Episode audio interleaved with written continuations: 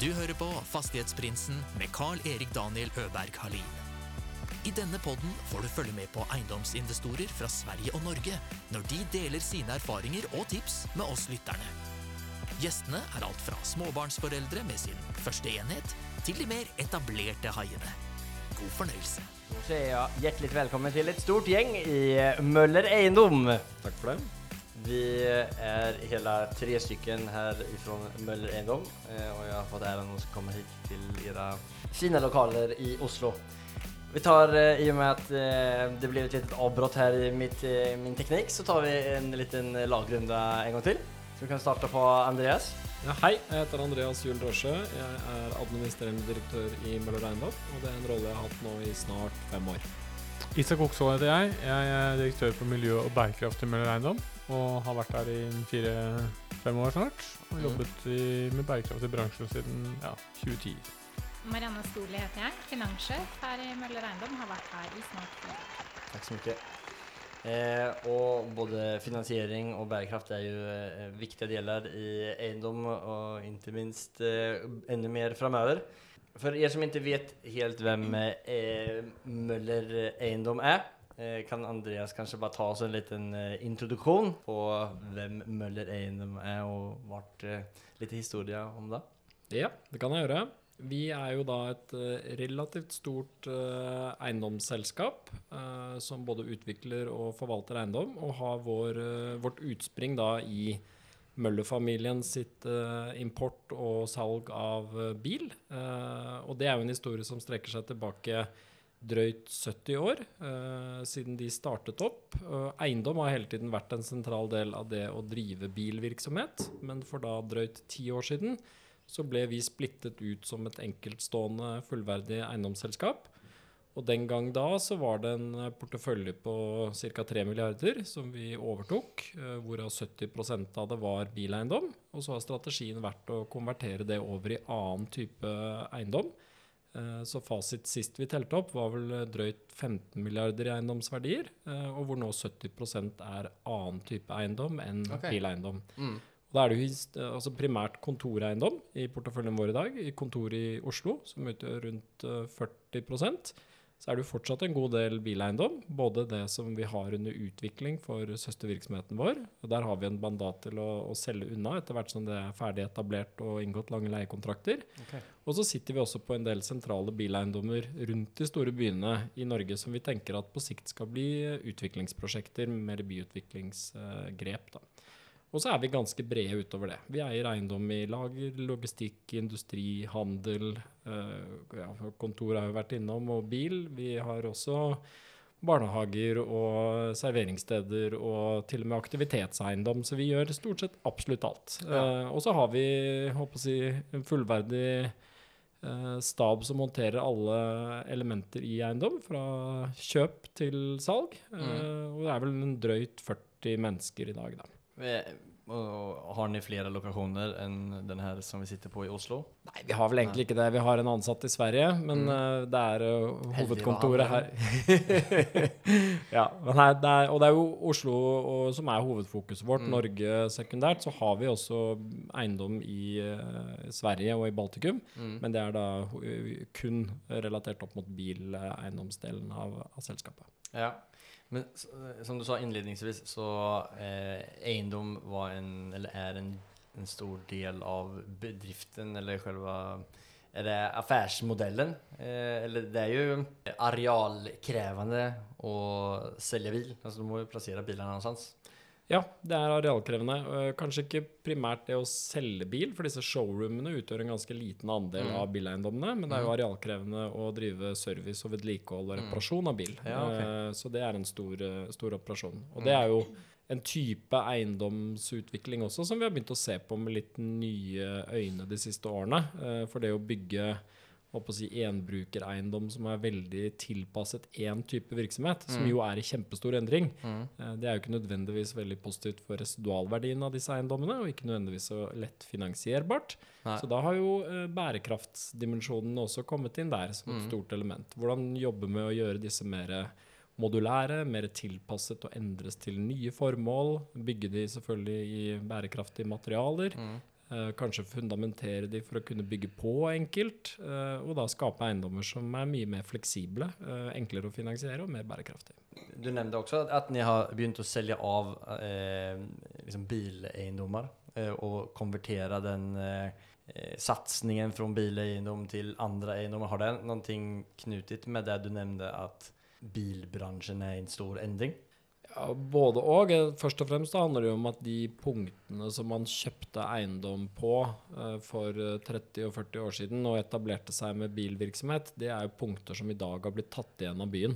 Ja. Eh, Så det er jo områder som i dag utvikles som store boligområder eller Mm. kontorområder. Og da gir det jo mer mening for oss å utnytte det potensialet. Mye høyere verdi som eh, utviklingsprosjekt. Mm. Og så flytter vi bilvirksomheten lenger unna byen. Eh, Mm. Men det er også en endring i salgsmodellen. Uh, og den er jo litt sånn pågående, så den kjenner vi jo ikke fasit til. Men det er jo flere Altså nå salgsmodellen av bil.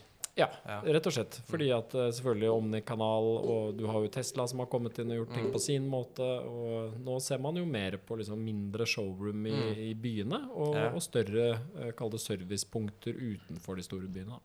En, en veldig spennende greie som ni gjorde nylig, eh, eh, og som fikk ganske mye oppmerksomhet i media, det var jo en refinansiering som ni gjorde. Mm. Eh, kan ni berette litt om den? Jeg kan jo starte helt sånn overordnet, for vi Mm. har jo hatt en veldig klar bærekraftsprofil med det vi gjør i mange år. Mm. Eh, igjen så spinner det litt sånn tilbake i historien. Det har vært et stort samfunnsansvar eh, som har vært tatt i Mølle-familien og Møllegruppen historisk. historisk. Eh, og nå som enkeltstående eiendomsselskap så har vi bakt dette tydelig inn i vår strategi. Og det vi har sagt er at vi ønsker jo å få en stor andel av vår kontantstrøm, altså vår, våre leieinntekter, til å komme fra såkalt taksonomi-compliant bygningsmasse. Mm. Altså da per definisjon bærekraftig bygningsmasse. Mm. Og for å liksom ta oss dit, så har vi måttet sette i gang ganske eh, mange prioriteringer. Investere ganske mye. eh, og for å liksom ha med oss bankene på det løpet der, og bruke de litt som gulrot og pisk egentlig i arbeidet, så har vi gått løs på denne store sustainability-linked låneavtalen, da, som eh, mine kolleger her, eh, Marianne og Isak, kan fortelle litt mer om. Ja. Sustain, hva var det du sa? Sustainability Sustainability-linked låneavtale, så har jo det en Ja. eh, oversettelse til norsk, Marianne. Bærekraftslinkede lån. Ja. Litt enklere. ja. Eh, Og hva er det som Hva ligger det i dem? Nei, altså når du, når du tar opp et bærekraftslinket lån, så er det et lån der du tar marginen på lånet og linker det sammen med, mm, sammen med konkrete mål innenfor bærekraft. Da. Så hvis jeg tar et eksempel fra, fra, oss, da, så Mm. det litt lettere å forstå, Ja. så har vi tatt eh, Vi har en bærekraftstrategi, som Andreas snakket om. Eh, Så vi tatt to av de målene som vi har i vår langsiktige da, bærekraftstrategi. Eh, og så har vi tatt de inn i låneavtalen. Vi har tatt de langsiktige målene. Mm. Altså era eh, våre mål, ja. Mm. som er viktige. De to målene som vi tenker er aller, aller viktigst for oss at vi eh, oppnår og klarer å håndtere, Mm. de har vi tatt inn i låneavtalene våre og Mm. brutt de ned på årlige delmål. -hmm. Så vil da vår margin, det vi betaler på lånet, vil avhenge av om vi oppnår de målsetningene vi nå Mm. har i låneavtalen, eller ikke. Okay. Så enten så må vi betale mer, eller Ja. så må vi, får vi betale litt grann mindre. For i forlengningen så har det eh, anledning til at ni gjør så, eller at banken knyter opp det på det settet, det er for at de i sin tur låner sine penger knyttet opp mot grønne commitments også, eller? Mm, Nei. Nei. Fordi eh, det er forskjell på bærekraftslenkede lån Mm. og grønne lån. Ok. Så når banken har commitments bakover med sine innlån eller obligasjoner, så er det ofte knyttet til bankenes grønne utlån, Ja. eller våre grønne lån. Mm. Eh, mens bærekraft, da er jo eh, eiendelen eller prosjektet allerede definert som bærekraftig. Ja. Mens et bærekraftslinket lån, da, det er mer et verktøy for å hjelpe deg på veien til å bli mer bærekraftig. Ok. Så det, blir, det er liksom verktøyet for å hjelpe deg til å bli bærekraftig som når man har oppnådd det, da blir det et grønt lån, typ. Det kan bli det, i hvert fall. ja. Mm. Vi har jo noen grønne lån også, Marianne, så kan du grønne forklare mekanismen der. Ja. Nå Ja. nördar vi ned oss skikkelig, Ja, men det, det, her, er- det her er riktig interessant. Um, nei, altså grønne lån, da er det, da er det Da har du en grønn asset. F.eks. Eh, vi har Harbits uh, torg, da, som ligger på mm. Skøyen. Det er et energiklasse A-bygg. Eh, og har en Bream eh, Excellent-sertifisering, Mm. det er på en måte Det er grønt da, i Ja. de fleste bankers definisjon av hva grønt er. Mm. Um, mens bærekraftslinkede lån, der ser vi, det er mer selskapsfinansiering. Det er helt uavhengig av uh, panteporteføljen eller hvilke eiendommer som ligger i den. Um, og går da heller på måloppnåelse på oss som konsern, da. Hva Mm. vi får til på, med vårt bærekraftsarbeid. Den här refinansieringen som ni gjorde ny- nyligen, den blev ju nämnt som en av de största, eller kanske den största eh, gröna refinansieringen. Den største bærekraftslinkede lånepakken som i hvert fall vi Ja. og våre banker kjenner til. Ja. Um, I eiendomsbransjen så har man til nå i hvert fall fokusert mest på de grønne lånene, og liksom Mm. fokusert på de grønne eiendelene man allerede har. Mm. Eh, mens man ser jo nå eh, at eh, ja, mesteparten av eiendomsmassen, den står jo der allerede. Ja, men og mye av den trenger jo å bli jobbet med. Eh, og da kan man bruke bærekraftslinket lån som et verktøy for å jobbe med den delen av eiendomsporteføljen sin. Så det her er vel egentlig noen ting som kanskje majoriteten av alle gamle byggs eh, eh, kommer att konverteras till etter hvert. Om man skal gjøre de her investeringene, så klart. Altså man skal utvikle bygget til et litt mer grønnere bygg. Jeg tror i hvert fall det henger veldig på greip med hvordan vi tenker rundt det å sette bærekraftsmål. For når vi ble enige med styret for noen år siden om at vi ønsket å ha en så stor andel fra grønne bygg, mm. så er jo alle enige om at den enkle måten å få til det på, er jo å selge alle de brune og kjøpe noen grønne. Ja. Men det gir jo ikke noen effekt Nei. eh, for noen andre enn enn å selge våre egne kopier. Eh, så det å da ta tak i alle disse Mm. brune byggene og jobbe med dem, gjøre de mer energieffektive og implementere bærekraftige løsninger i byggene, Mm. det er, gir jo håper å si, samfunnsgevinst, og der er banken med og, backer oss på den reisen. Da. Ja. Og her er jo du experten eh, i eh, både rommet og selskapet på bærekraft. Det er mulig, det. Det var ödmjukt. Ja. Eh, hur in, in, involverad har du varit i, i den här processen? Eller vi kan väl kanske starta lite med, om du tar kortversjonen om hva taxonomin er, Eh, og Ja. hva Det kan jeg godt gjøre. For det er jo liksom fundamentet for denne lånepakka, Mm. og også hvordan vi jobber. Mm. Eh, og taksonom, taksonomi er et veldig vanskelig ord, men det betyr egentlig klassifisering. Mm. Så EU har laget en klassifisering av veldig mange aktiviteter i økonomien som Mhm. de mener har en påvirkning på uh, EUs mål Ja. om å nå Parisavtalen mm. og innfri FNs 17 bærekraftsmål. Mm. Så har jeg sagt at vi kaller liksom Parisavtalen, FNs 17 bærekraftsmål, det, det er hovedoverbygningen vi skal nå. Ja. Mm. Og for å definere liksom, hvordan vi skal nå de, så har de klassifisert en rekke økonomiske aktiviteter, Mm. og så sagt tekniske kriterier for hva er, det, hva er en bærekraftig aktivitet innenfor f.eks. transport. Mm. Hva er en bærekraftig aktivitet innenfor stålproduksjon? Mm. Hva er bærekraftig innenfor landbruk og osv. Og, så videre, og eiendom. Mm. Og den, måte, det verktøyet eller det ble jo starta på i 2018 og begynte å konkretisere seg i 2020-2021. At vi fikk liksom noen håndfaste eh, te tekniske kriterier å forholde seg til. Og da så jo vi at vår type virksomhet var jo innenfor disse aktivitetene som man mente burde ha noen terskelverdier for å være bærekraftige. Ja. Så kjøp og forvaltning av eiendom er en sånn aktivitet som man har definert at du har en bærekraftig aktivitet, eller du har en ikke-bærekraftig Mm. aktivitet. Mm. Vi hadde jo da sett litt på hva var hensikten med dette regelverket. For det er liksom det at noen har bare laget en definisjon på hva er det som er bærekraftig, hva er det som ikke er bærekraftig, er jo kanskje litt sånn kunstig, men det er jo ikke egentlig det. For EU-kommisjonen har da jobbet ut dette her som en del av sin handlingsplan for et mer bærekraftig finanssystem. Ja. Og denne handlingsplanen den handler om at man ønsker å mobilisere privat kapital til å investere i mer bærekrakt, bærekraftige aktiviteter, assets eller eh, aktivi eh, eiendeler. Mm. Og eh, da trenger man en eller annen definisjon på hva man mener er bærekraftig. Det er første steg. Ja. Så bare det at regelverket har kommet, det er steg én.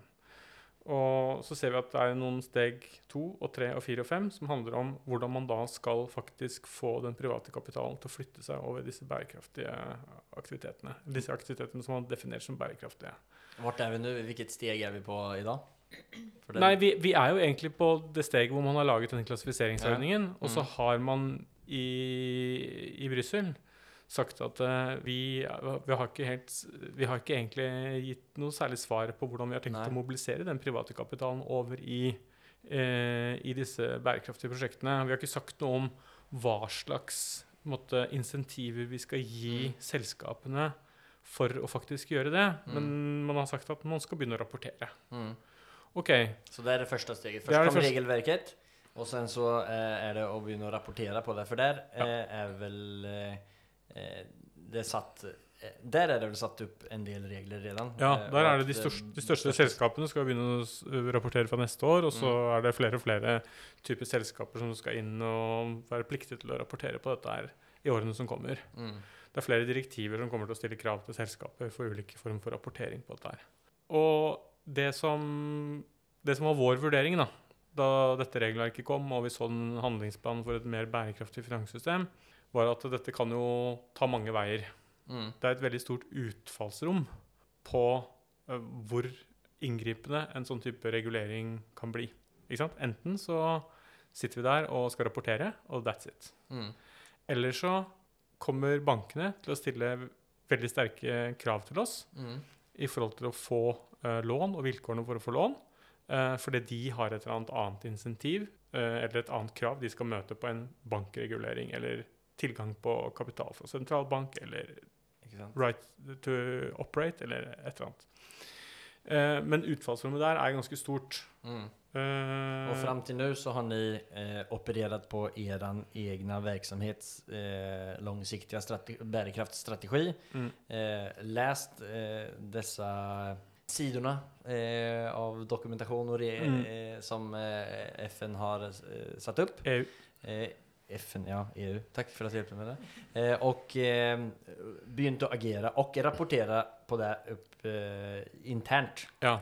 Eh, men ikke eksternt ennå.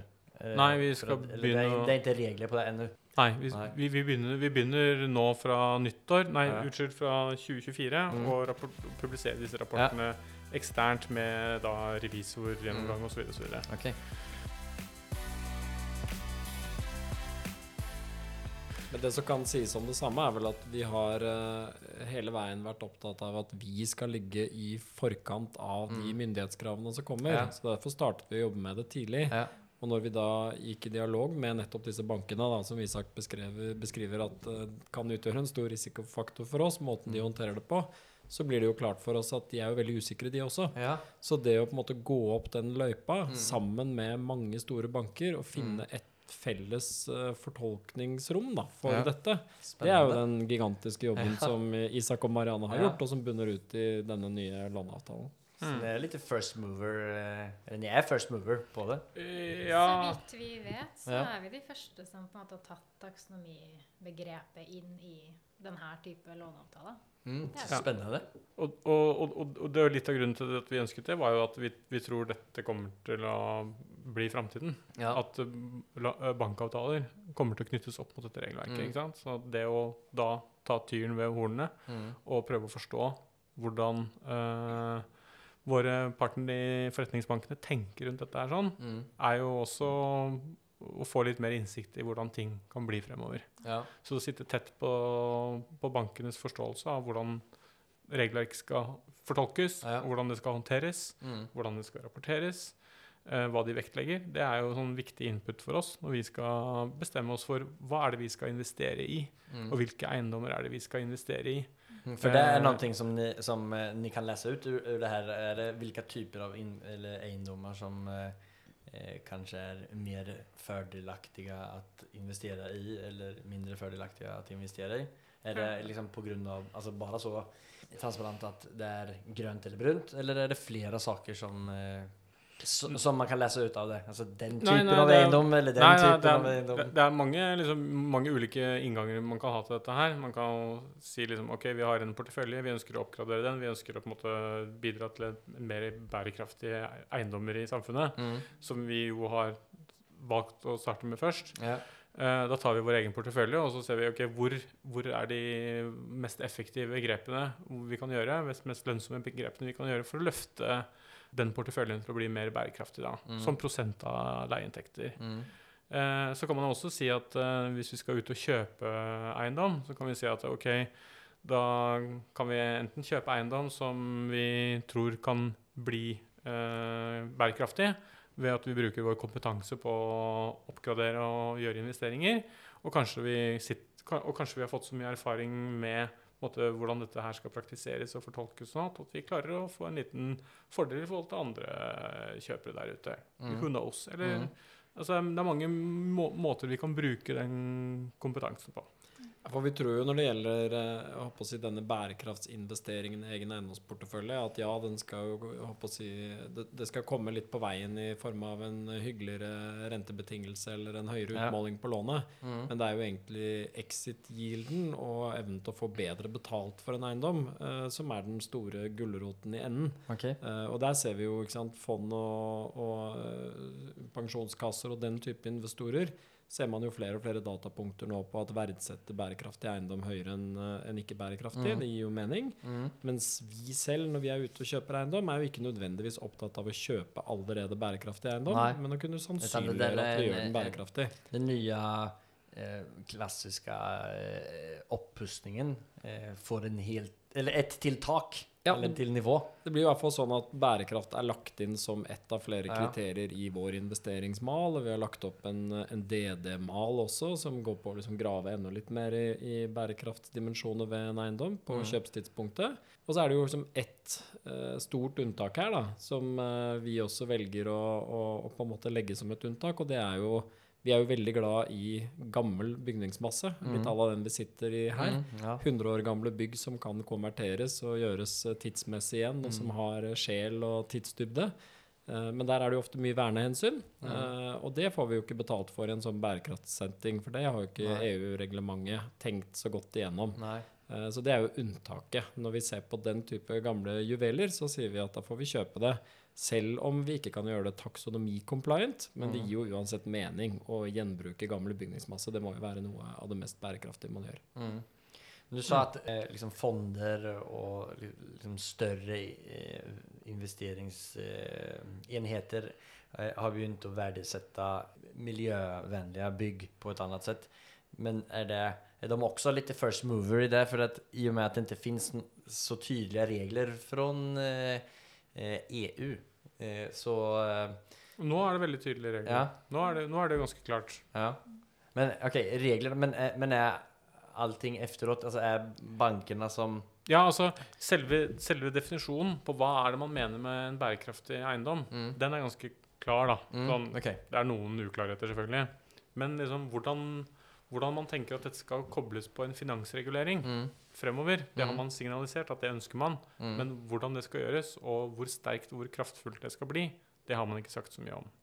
Så, så bare det at man kan at jeg kan si at den eiendommen er ikke bærekraftig, den er bærekraftig, det, har Mm. jo, det, Ja, spiller, det- det, det- spiller, kan vi gjøre, men det Mm. spiller jo ingen rolle. Nei. Altså, hva skal vi med det? Ja. Det er jo først når, når det skjer et eller annet med myndighetenes forventning til de som opererer i markedet, Mm. og at de ønsker å insentivere, at Mm. vi får endringer på, sånn som Andreas sier, exit yield, da, eller Mm. risikoprofilen på eiendommen. Mm. Og hvem er det som skal gjøre det? Er det banker, eller er det, Ja, det er, kommer det det, er jo, det er jo egentlig bankene som er utpekt som måte, førstelinjetjeneste Mm. i forhold til å håndtere et sånt regelverk, sånn som vi ser det. Mm. Men eh, det For det skal jo knyttes opp til finansiering, men det er også de som investerer i egenkapital.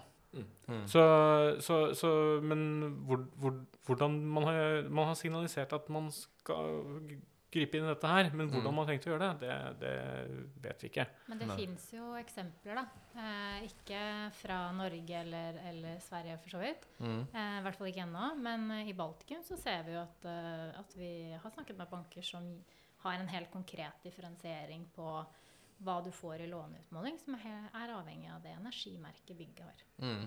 Ja, men for det, for det er jo den veien det- går, men det er, fort, liksom, det er ikke satt opp. Man, eh, bygget har ikke eh, økt i värde verdimessig, eller sjunket i värde for at det er brunt ennå, utan du er liksom i litt, et ingenmannsland. Ja, du kan si det, ikke sant. Og vi har noen datapunkter som Marianne er inne på. på en måte Mm. At det er noen banker som tar dette her veldig på alvor. Så har vi noen datapunkter på at det er noen banker som ikke er så veldig opptatt av dette her sånn. Men liksom, vi ser jo at trenden i løpet av de siste årene har beveget seg mot at dette regelverket tar de mer og mer på alvor. Uh, og så tror jeg også det at uh, EU-kommisjonen gjør sånn som de har gjort i alle år. Når de kommer med nye regler, de koker frosken sakte. eh, og øker temperaturen litt etter hvert, så man ser at frosken tåler dette her, og til slutt er den ferdigkokt. Eh, og da har man på en nådd målet. Du kaster, du, du, så så. Ja. du kaster den ikke opp i en, en kokende kjell, for da spretter den jo bare ut. Det vet jo alle. Så, Mm. så man går alltid liksom sakte, men sikkert fram, men vi vet jo ikke helt sånn fasit på hvor dette ender. Men uh, at det, at det kommer til å få en eller annen form for betydning, det er vi ganske sikre på. Mm. Det ser vi jo på en måte at det, det i, Ja, De har jo gjort en sak som har Ja. eh, Ja, ett tydelig tegn på det også. Ja, og så ser vi jo på en måte at bankene etterspør helt annen informasjon nå enn det de gjorde bare for ett år siden, når det går på, på energispørsmål f.eks. Energiforbruk og energimerker og, og så Mm. videre, og hva, hva man skal gjøre med porteføljen sin. Så Mm. det har endra seg. Hva er de største energiändrande tilltaken som, eh, som man kan gjøre. Om man, om, om man bare fikk anledning til å ta ett enda eh, energi... Eh, eller om man skulle pusse opp et bygg. Hva er det som eh, ger mest utslag på en det, det er helt umulig å svare på. Okay. Det er, Dåligt spørsmål. det, ja, altså du som jobber med dette, burde Ja, vite bedre. Men uh, nei, altså, det er jo alt mulig. Altså, det, det helt, kommer helt an på bygget. Ikke sant? Ja. Det er jo alt fra ventilasjon til varme, Mm. oppvarming, kjøling, solceller, isolasjon. Altså, det kan være veldig mange ulike grep. Da. Mm. det er jo sånn det er jo et spekter av tiltak som går igjen hele veien. Så Mm. man har liksom en syv-åtte forskjellige tiltak som man gjennomfører. Og så er det hva, hva rasjonalet er for de ulike tiltakene. Det varierer jo fra bygg til bygg, hvor gammelt det er, eh, hva slags teknologi som er der osv. Mm. Men det går jo hovedsak opp å prøve å få det opp på hva skal vi si, moderne teknisk standard. Da. Det er jo det som blir målet for hvert prosjekt. Det er jo gjerne noen større investeringer, som du sier, Isak, men som regel så ligger det jo på toppen av det gjerne en eller annen form for optimalisering, styring, et eller annet styringssystem som i seg selv gir en 10 energieffektiviseringsgevinst, og med litt opplæring på toppen der også, og bruker eh, Altså at brukeren selv forstår hvordan man skal håndtere bygget sitt, så ligger det også en, en ganske betydelig gevinst. Ja. Så det er jo det er mye bevisstgjøring på toppen av disse kall det større investeringene som gjøres. Mm. Det må vi ha med oss. Og det, det er også noe som vi ser at sant, uh, dette taksonomiregelverket øh, trekker inn en annen type risiko kanskje enn det vi er vant til å håndtere. Okay. Sånn som Andreas er inne på. At, uh, en av de parameterne som vi tror kan bli viktige for en sånn vurdering av hvorvidt en, en, en eiendom er bærekraftig eller ikke, som vi ikke har fått helt klarhet i ennå av, av EU-kommisjonen, er hva er energiforbruk i, i bygget. Mm. Uh, og det er jo ikke bare vi som styrer. Nei. Det er jo også leietakeren som styrer. Ja, ikke sant? Ikke sant? Så vi, Mm. er jo veld, vi lever jo litt på nåde av hvordan er det leietakeren oppfører seg på, vår, på vår eiendom eller vårt bygg. da. Mm. Så det introduserer en litt annen type risiko enn det vi kanskje normalt sett er vant til å håndtere. Ja, Men vi begynner jo å jobbe med det, vi òg. Og så vil du jo få leietakere som selv må rapportere, som er avhengig av en gårdeier, en byggets eier, som også er bevisst på dette, da, for riktig. å kunne nå sine mål. Så det blir jo en slags eh, felles dugnad, Ja. dette her, etter Ja. hvert som det rapporteringsregimet brer seg. Ja, Mm. det er riktig. Og det, det er den vekselvirkningen at eh, det er mange eh, hva skal vi si, ulike, aktiv ulike aktiviteter som blir eh, hva skal vi si, rapporteringspliktig mm. og, og må begynne å forholde seg til det regelverket. Det, det gjør at man altså etterspør løsninger fra hverandre mm. som, som vil få dette her til å hva skal vi si, uh, rulle uh, fremover. da. Så er det ikke liksom alltid helt 100% samsvar mellom alle disse tekniske kriteriene. Men det er detaljer i det. da. Men eh, det er riktig som Andreas sier, at det, det får en sånn kaskadeeffekt. Tror ni at det vil komme eh, mer kostnader knut, alltså knutit till den här eh, reguleringen som kommer og blir stark eller og blir hårdare og hårdare eh, för varje år eh, på, för bedrifter och för eiendom. Om man tar ett, ett, ett bygg för exempel så är det ju eh, inom ett visst eh, årtal så ska X bygg ha eh, den här energiklassen. Då är det ju en mängd av bygg som må göra en transformering. Och det är kanske inte alla som sitter på den eiendommen som kanske har de eh, medlen tillgängliga. Tror ni att det vill bli utfordringar på det? Eller tror ni att eh, EU og resten av verden vil eh, gå sammen for å, å lage subsidier som gjør at det er altså, Man skal jo dirigere en, eh, i en retning. Hva, hva, hva tenker ni om det? Eller hva tror ni om det? har gjort vi, vi, vi tenker om det at uh, grunnen til at man har valgt å si at man skal mobilisere kapital, privat kapital Mm. inn i bærekraftige aktiviteter, Mm. er at man har ikke nok penger over offentlige budsjetter til å subsidiere dette her. Mm. man ser at investeringene er så store Mm. at det vil man ikke makte. Ja, og så tror jeg, for å bygge videre på det også, så tror jeg at ja, det vil bli en slags differensiering mellom store, solide eiendomsselskap med interne ressurser og kapasiteter til å gjennomføre disse renoveringene, og, og har liksom et forhold til, til risikoen og rapporteringskravet. Mm. Det, der, der kommer det til å skje mye, mens mindre og ikke-profesjonelle bygningseiere kommer til å slite med den risikoen da, etter Mhm. hvert som det vil utgjøre, og sitte med brune bygg som ikke er eh, lette å finansiere. Mm. Eh, så det vil jo kanskje skje en liten justering i eiendomsbransjen etter hvert, men jeg tenker jo likevel at det er med og kan det gagner målet. Eh, og, og det er jo noe med denne klassifiseringen også? Den, er, den fremstår jo ganske sånn uhildet og objektiv, slik den er satt opp, i motsetning til veldig mange av disse andre bærekrafts- og miljøklassifiseringene som man har sett opp igjennom. Mm. Om det er svanemerket eller nøkkelhullsmerket, for den saks skyld, er vi kanskje mer på matvarefronten, men eh, Lied og Bream, som er veldig tøyelige klassifiseringer igjen, som jeg vet du ikke er så glad i, Isak. Ja. Jo, jo, det er for så vidt riktig, det. Det er i hvert fall en, det er i hvert fall en klassifisering som har noen absolutte tekniske kriterier. Den er ikke en strikk du kan tøye i alle retninger, så det er jo helt riktig. Altså taksonomien er det. Taksonomien er det. Ja. Men, Br men Brim eh, er litt tøyelig, eller mener du? Ja, jeg er jo outa nå Ja. som en Brim-motstander. Ja, ja. Men det er, jo fordi, det er jo fordi jeg liker ikke Jeg liker ikke, jeg liker ikke klassifiseringer som, hvor du ikke vet hva du får. Nei. Altså Hvis du har et klassifisert produkt, så bør Mm. det jo være noen absolutte minimumsrammer du, du vet at du helt sikkert får noen kvaliteter, Mm. og det er godt ivaretatt. Der er jo disse andre systemene liksom tøyelige i alle retninger. da.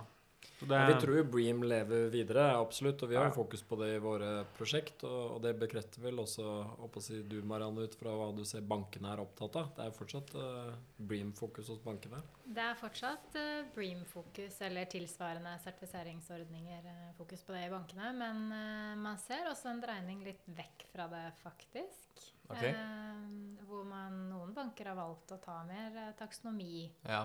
Eh, regelverket inn i sine rammeverk for grønne lån, Mm. eh, og gått vekk fra Bream. For, Eh, for Bream er en sertifisering av et eh, bygg. Ja. Mm. Og En veldig vanlig sertifisering, spesielt liksom på kontorbygg i Mm. sentrale strøk, f.eks. mm. Men jeg, tror, men jeg tror det spørsmålet du stilte innledningsvis, så, så spurte du egentlig liksom, kommer dette til å koste penger. Kommer det til å bli dyrt? Ja. Og, og der er vel svaret at eh, det, det kommer nok, for noen så kommer det nok til å koste penger. Mm. Uh, men så tror jeg at eh, hvis man investerer Hvis man tenker litt sånn klokt rundt det, så kan Mm. man faktisk investere og så tjene litt penger på å tilpasse den EU-taksonomien. Mm. Og det prøver vi å gjøre i det daglige. Vi prøver å få, i, få til f.eks. energieffektiviseringsprosjekter. Mm. Og prøve å, å, å skape, skape et investeringscase rundt å få med leietakerne på spleiselag for å forbedre energitilstanden i bygningene våre, og at vi kan finansiere det med litt, litt husleieøkning. Mm. Eh, og, og, og det er liksom den retningen vi har valgt for å prøve å håndtere denne, denne risikoen nå. Og da investerer vi i energieffektivisering på et kommersielt grunnlag sammen med våre leietakere.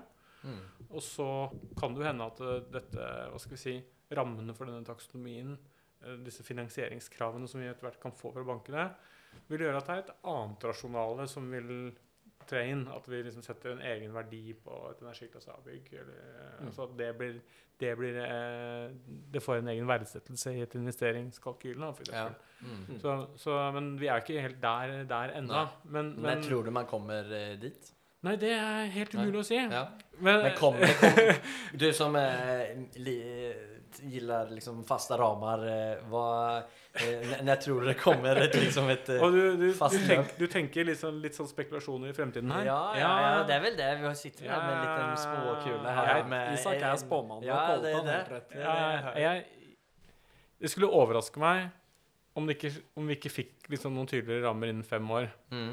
Og, og det er kort tid i næringseiendom. Är Altså. man inte tvungen att ha ganska tydliga ramar om man ska uppnå ett mål som eh, har default i 2030? Jo, jo, det er klart man må det. Det som, det som, det som er med altså, nå, nå høres jeg ut som sånn EU-tilhenger. Bare sånn det er sagt. Jeg, jeg er jo for så vidt det, men det er ikke det som er Det er ikke det som er liksom hele bakgrunnen her. Men Nei. poenget er det at ikke sant? vi er, i Norge er vi vant til norske politikere. Mm. De setter seg en masse mål, og så, og så var det poenget med det. Mm. Og så, så var ikke det viktig i morgen. Nei. Og så er, man, så er vi i Norge blitt ganske vant til at eh, man hører masse sånne store vyer, og så skjer det veldig lite. Mm. Mens i Europa så er det nok en litt annen holdning til disse hva skal vi si, disse målene, disse politikkområdene. Mm. At man faktisk mener litt alvor med det. da. Ja. Så vi har sett det at, eh, at veldig mye av det regelverket som vi har fått i Norge på energieffektivisering, byggeregler osv., kommer veldig mye fra Brussel, kommer Mm. veldig mye fra EU. Så ser vi at man, man mener jo alvor med, med klimabekjemping Mm. og FNs bærekraftsmål, Mm. og ønsker å gjøre noe med det. Og det, Mm. får, måte, det kommer stadig nye, ny, nytt regelverk, nye direktiver, som, som skal tvinge oss i en eller annen retning. Og, og, og det, det får konsekvenser. Så, så det er liksom, trenden er veldig klar. Mm. Og så er liksom spørsmålet er når, når på tidslinja er det vi liksom vi treffes og rammes økonomisk. da. Ja. Det er, jeg, tror det, er- jeg tror det er en femårshorisont. da. Ja. Mm. Det blir spennende. Jeg ringer deg om fem år og så sjekker vi om du hadde rett.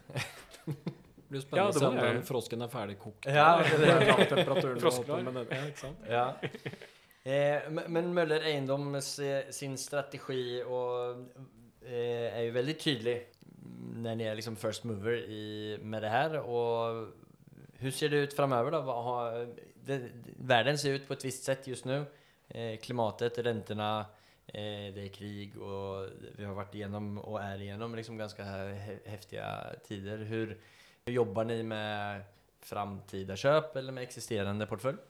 Altså vi, eh, som et utgangspunkt så er jo vi i den litt ganske gunstige situasjonen da, at vi driver en eh, relativt eh, konservativ eiendomsvirksomhet med lav belåning, Mm. som gjør at vi både har evnen til å betjene høye renter, og vi har si, penger på bok til å gjennomføre de prosjektene vi har satt oss for å gjøre de neste årene. Så Mm. selv om eiendomsmarkedet er katastrof om dagen, Mm. så er vi fortsatt eh, på ganske høyt gir, også når det gjelder da å gjøre disse eh, rehabiliteringsprosessene da, som skal ta oss eh, til målsetningene vi har satt oss. Og vi har vel også fått en sånn tydelig stallordre fra styret at eh, vi skal definitivt fortsette å prioritere bærekraftsinvesteringene.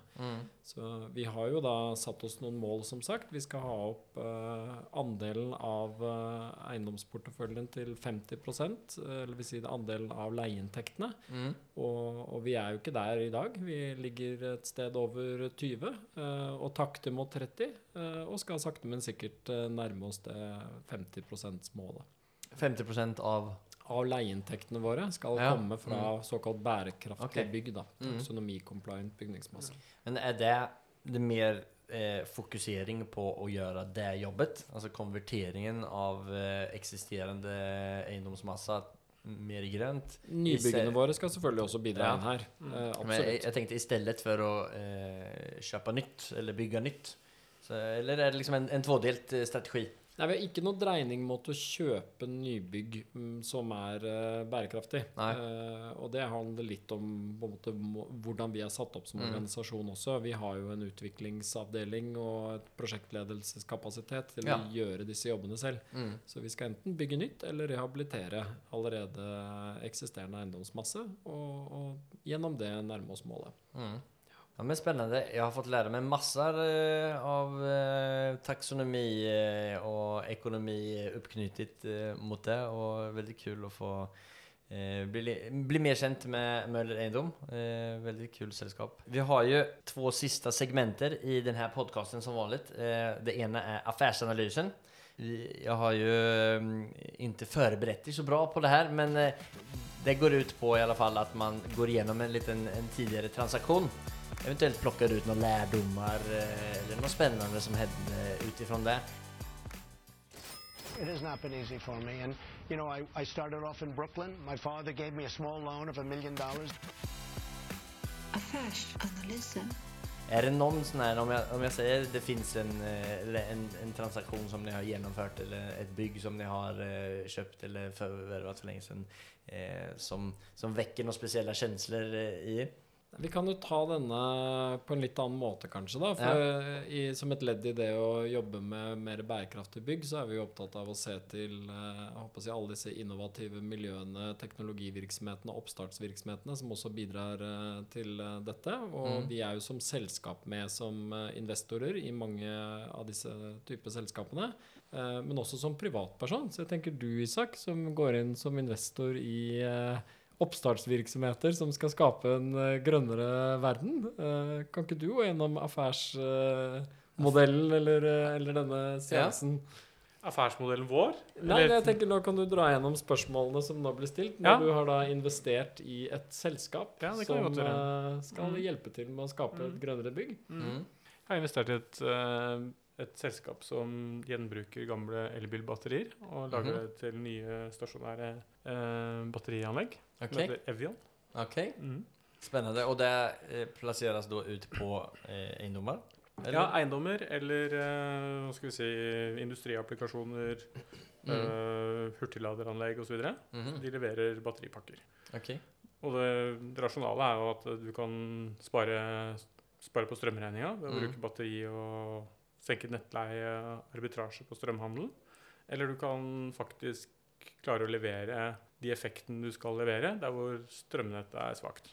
Mm. altså, så det er liksom om du, om du da om, man ser det utifrån ifra et, eh, energieffektiviseringsperspektiv på et bygg så har man solceller på taket og så eh, kjøper man en brukt eh, pakke fra eh, Evion. Evian. Ja. Evion, ja. Mm. eh, og så fylles den da opp med solcellesenergi. For eksempel. Ja. Och så har du gjort dubbel eh, Eller du fyller, du fyller batteripakka på natta, hvor det er billig, og så bruker okay. du det på dagen, hvor det er dyrt. Altså sånne Ja. ting. smart da. Ja. Och var, varför, eh, men, men de, disse batteripackerna, de, eh, de er gamle, men de går å anvende ennå?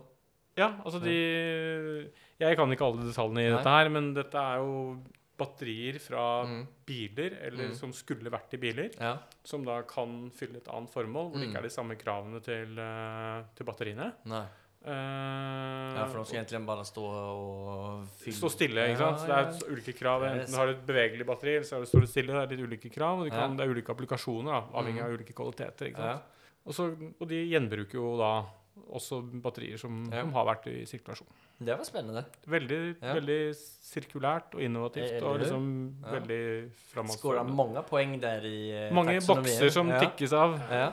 Og dette har vi jo testet både i egne bygg, men du har jo også testet det privat. Ja, jeg har Ja. på hytta. Det fungerer veldig bra. Der er det solenergi. Ja. Det er off-grid-hytte, så Mm. der lever jeg på solenergi og har masse effekt tilgjengelig og kan kjøre vedsaga og kose meg liksom uten at det er noe problem. ja, kult. Eh, Eller han har på den ja til EU-buttonen sin. Han tør ikke å bruke den på kontoret. nei, og så Og så og så fada jeg ut her. Nei, altså, eh, og så har vi installert et, eh, et sånn, en sånn batteripakke i et bilanlegg i Stavanger. Hva sa du nå? Att du Vi har et, vi, vi har et bilbygg i Stavanger. Ja. Møller Bil Sør-Rogaland. Mm. Ja. De var veldig interessert i batterier. i Mm. kombinasjon med solenergi. Ja, så vi ja. har akkurat investert i et sånt batterianlegg og er i ferd med å overta det. Er sirkelen sluttet? Ja. Og sirkelen sluttet. Nej, men det var spennende. Takk Mm. for det. det var, vi, vi fortsetter jo å gå på det her eh, Ja, spennende er spent. eh. Ja. Så vi hopper videre til vårt neste eh, segment som heter Fyra frågor. Det er de samme fire fyra frågorna som vi ställer våre gjester. Og eh, vi skal se om vi klarer å twiste det her til eh, taxonomi-vridna. Då.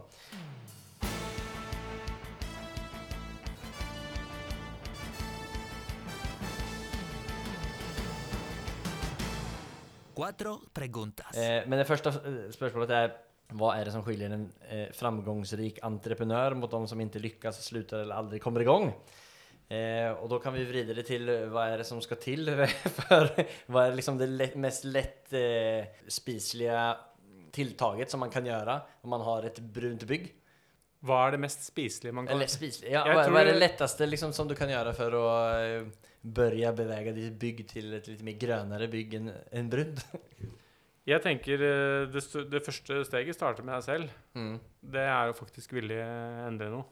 Og det er jo ikke alle som får til med en gang. Nej. Nei så det er, och, och, å och vilja vara med i eh, Ville bruke den tid. gröna Ville bruke tid, ressurser og få til en endring. Mm. Det tenker jeg er det viktigste tiltaket. Og Mm. tenke at det er en mulighet. Tenke at det er en mulighet, ja. Helt riktig. Og, Ja. og sånn sett så er det jo Sånn sett så er jo Møller et veldig bra sted å være. Ja. ja, men virkelig. Du, du trivs bra her. Ja, det, det er vi veldig glad for. da. Vi er jo helt avhengig av disse flinke Ja. menneskene for å komme videre. Men jeg tenker bare å bygge på det du sier også, Isak. For du var litt inne på det i spørsmålsstillingen i sted, dette med om det kom til å kreve mye Ja. å jobbe med disse brune byggene. Og for enkelte så ville det være mer enn de har, både av Mm. kapasitet og midler. Mm. Men jeg tenker jo da at du har jo lyttere kanskje som sitter med brune bygg og lurer på hvordan de skal angripe dette her. Mm. Jeg tenker jo at det er jo, ville vært ren idioti å sitte stille, selv om man ikke har de kapasitetene. Mm. Eh, Det er jo bare å se rundt seg, liksom, hva som skjer ellers i verden. Det er ikke Mm. noe tvil om at eh, det er denne retningen man er på vei i. Mm. Trenger egentlig ikke EUs taksonomi for å forstå det, men nå har det jo liksom åpnet seg opp ganske store muligheter i en leverandørindustri som står klar for å Mm. bistå nettopp den type bygningseiere. Mm. Og så tenker jeg også fra leverandørsiden Herregud, for en gavepakke dette nå er for liksom rådgivere som skal hjelpe til Ja. rapportering, for entreprenører som skal være med å utføre disse prosjektene, Mm. for alle disse teknologivirksomhetene som blomstrer opp med sine teknologier. Det er jo vanvittige løft Ja. som skal gjøres i denne bransjen fremover. Mm. Så dette er jo virkelig liksom bare å invitere inn til Ja. at folk må begynne å å si, kreative og ta for seg dette, Mm. denne, denne, denne, dette segmentet, denne eiendomsbransjen. Ja. Altså, for det er gigantiske jobber som skal utføres. Virkelig.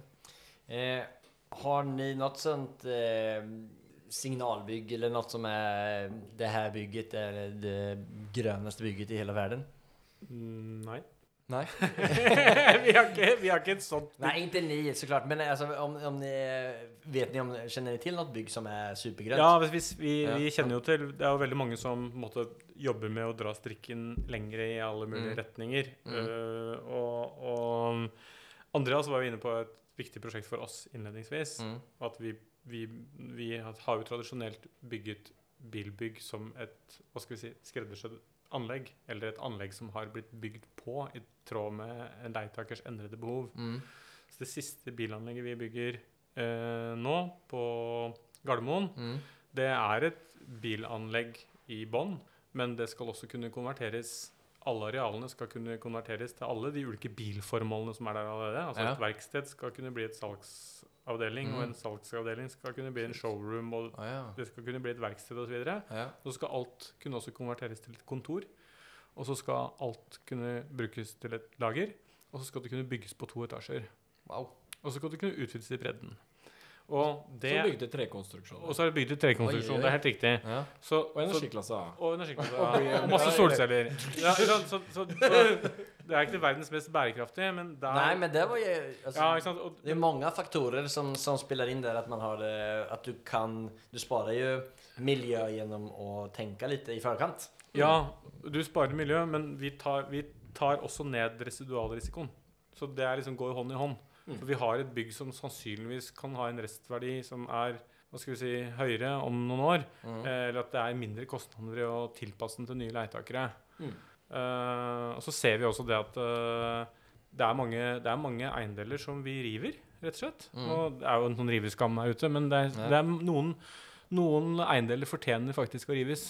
Jeg kan si det. eh, Ja. eh, er det på at av att de er stygge? Eller? Nei, det er fordi de har utlevd sin tekniske levetid. Ja, Det ok. fins en grense for også Ja. hvor lenge et, et bygg kan leve, hvis det også er uhensiktsmessig. Men Mm. vi ser jo at veldig mange av de, de utviklingsprosjektene vi har, Mm.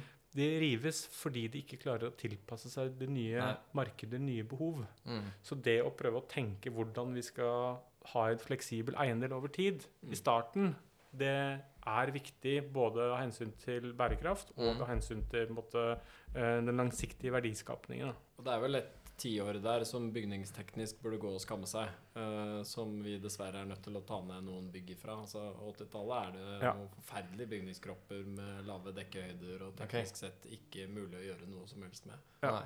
Det er riktig. Tredje spørsmålet eh, er egentlig om dere kan gi et bra boktips på eh, for den som er interessert i eiendomsinvestering. Men da kan vi videre om det er noen som har til å fordype seg litt mer i den her eh, bærekraftsinnriktningen mot eiendom. Fins det noen ting som man Er det bare å eh, sette seg inn i alla alle tusentalls sider taksonomi? Som Jeg skal, jeg skal ikke gi noe boktips, altså. Det får dere Marianne Jeg tenkte jeg skulle plukke opp tips fra dere. Ja. jeg Har ni noen eiendomsbokstips, så er det bare feel free eh, å gjøre det også. Nei, altså Les på EU-kommisjonens nettsider. på en måte. Det er Mm. fryktelig kjedelig. Altså, du, jeg garanterer at du sovner på kvelden. Det er, helt, det er, altså, det er bankers. Sånn sett så er det veldig anbefalt lesning. Men eh, ja, utover det så er det ikke så mange Ja, men da våkner du frisk og uthvilt tidlig Ja, neste morgen for å ta Ja. tak i brun bygningsmasse Ja, og kunne gjøre den grønn. Da. Du tror det er bedre investert den tiden der enn å lese noe særlig bøker om eh, grønne eiendommer. Ja, nei, men Da skal vi se til å gjøre det. Siste spørsmålet er egentlig det. Kan du nevne, eller kan du nevne et, eh, det mest storartede, morsomme eller minnesverdige settet som ni har feiret en gjennomført affære eller seger på? Da kan vi bare ta Hvordan firade ni når ni fikk gjennomført eller den her eh, refinansieringen? Ble det en eh, Det var eh, null feiring. gikk, ah, Ja, OK. Det var en liten eh, stikk i siden det. Ja, det var null feiring. Det var jo litt synd. Uh, Ja. Vi er jo egentlig ganske gode til å feire ting. Uh, det er mye fest og moro i eiendomsbransjen. Det var det i hvert fall når det var gode tider.